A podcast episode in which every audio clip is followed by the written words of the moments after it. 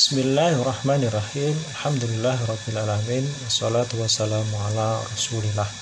Alhamdulillah pada kesempatan kali ini saya masih diberi kesempatan untuk menyampaikan sesuatu yang berkaitan dengan kesalahan muslimin pada umumnya dalam memahami satu istilah di dalam syariat.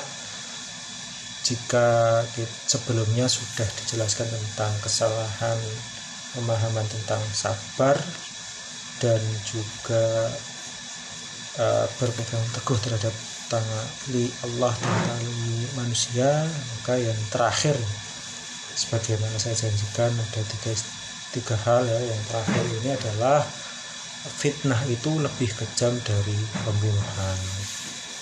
Jadi apanya yang salah dalam istilah ini? Pemahaman manusia pada umumnya fitnah istilah fitnah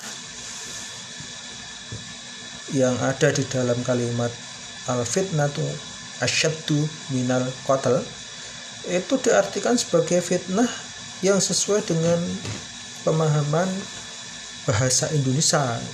Padahal fitnah di dalam ayat ini bermakna yang lain. Jadi kalau di dalam bahasa Indonesia, fitnah itu adalah satu ungkapan atau satu perkataan terhadap sesuatu yang tidak sesuai dengan sebenarnya. Jadi menyampaikan berita terhadap sesuatu atau seseorang yang berita itu tidak ada kebenarannya atau satu kebohongan, maka itu adalah fitnah dalam pengertian bahasa Indonesia. Sedangkan fitnah yang dimaksud di dalam ayat itu berbeda.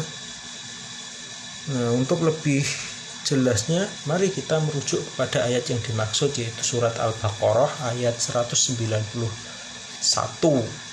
di mana kalimat tersebut merupakan penggalan dari satu ayat yang agak panjang. Kalau boleh saya bacakan A'udzu billahi minasyaitonir rajim.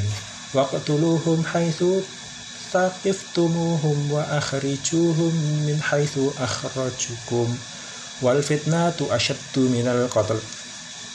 ولا تقاتلوهم إن ولا تقاتلوهم عند المسجد الحرام حتى يقاتلوكم فيه فإن قاتلوكم فاقتلوهم كذلك جزاء الكافرين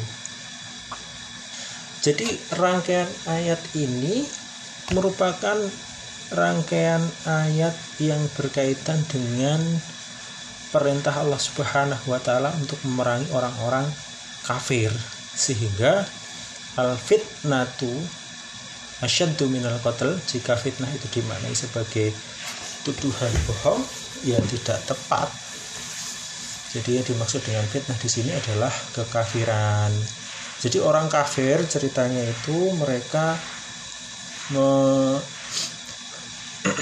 memberikan komentar kepada muslimin yang memerangi orang-orang kafir di bulan haram atau di tanah haram. Dalam hal ini apa mungkin ini ya cobalah nanti dicari referensinya lagi apakah berkaitan dengan Fathul Mekah gitu ya. Padahal kota Mekah itu sudah di ditetapkan sebagai tanah haram yang tidak boleh ada peperangan di situ atau di bulan haram walalam sepertinya yang benar adalah tentang uh, pelanggaran bulan haram oleh muslimin nah yang benar pemahamannya adalah fitnah di sini adalah kekafiran mereka orang kafir itu di mana mereka menyerang muslimin terlebih dahulu kemudian dibalas oleh muslimin walaupun itu di bulan haram tetap pembalasan itu sah. Kenapa? Karena muslimin terlebih dahulu di, diserang. Jadi bukan muslimin yang mendahului untuk menyerang kemudian terjadi peperangan. Ya. Nah mereka kan orang kafir mencemooh. Kenapa orang-orang muslimin itu tidak menghormati bulan haram sehingga melakukan peperangan di bulan haram? Maka dijawab oleh Allah Subhanahu wa taala bahwasanya kekafiran mereka itu lebih berat di hadapan Allah Subhanahu wa taala daripada pembunuhan yaitu peperangan yang dilakukan oleh muslimin. sehingga dari sini kita bisa mengambil satu broh kalau fitnah yang ada dalam Al-Quran dan pemahaman orang Indonesia ternyata memiliki pengertian yang berbeda kemudian penggalan ini ternyata dimaknai dengan cara yang berbeda kemudian diamalkan dengan cara yang berbeda ya tentu saja tidak akan mendatangkan ridho dari Allah Subhanahu wa taala atau justru malah menutupi makna dari makna sebenarnya yang dimaksudkan oleh Allah Subhanahu wa taala dalam konteks pembahasan al fitnatu asyaddu minal qatl. Ini kalau kita punya pandangan bahwa al fitnatu perkataan dusta tentang seseorang asyaddu lebih kejam dari pembunuhan artinya kita tidak lagi memahami bahwa kekafiran itu lebih kejam dari peperangan. Jadi seolah-olah kayak ada usaha untuk menutupi makna sebenarnya dari makna yang ada di dalam Al-Quran dengan memunculkan makna yang baru. Ya kalau orang-orang yang memiliki ilmu masih mempromosikan pemahaman-pemahaman yang salah ya nanti tunggu saja di hadapan Allah Subhanahu wa taala nanti akan dihisap oleh Allah Subhanahu wa taala. Sebagaimana dalam salah satu hadis, salah satu, salah satu riwayat disebutkan barang siapa membuat kedustaan atas namaku maka dia telah mempersiapkan tempat duduknya di neraka. Ya, karena itu kita harus takut. Nah, setelah kita mendapati informasi atau ilmu yang demikian ini, maka kita jadilah bijak untuk menyampaikan keterangan yang benar walaupun tidak populer. Jadi pengertian yang salah tadi itu sangat populer sedangkan pengertian yang benar itu tidak populer.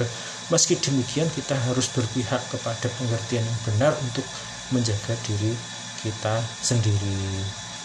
Nah marilah kita senantiasa belajar sehingga kebanyakan manusia jika berbuat salah kita tidak ikut-ikutan berbuat salah dan menganggap perbuatan salah itu benar karena saking banyaknya orang yang memperbuat.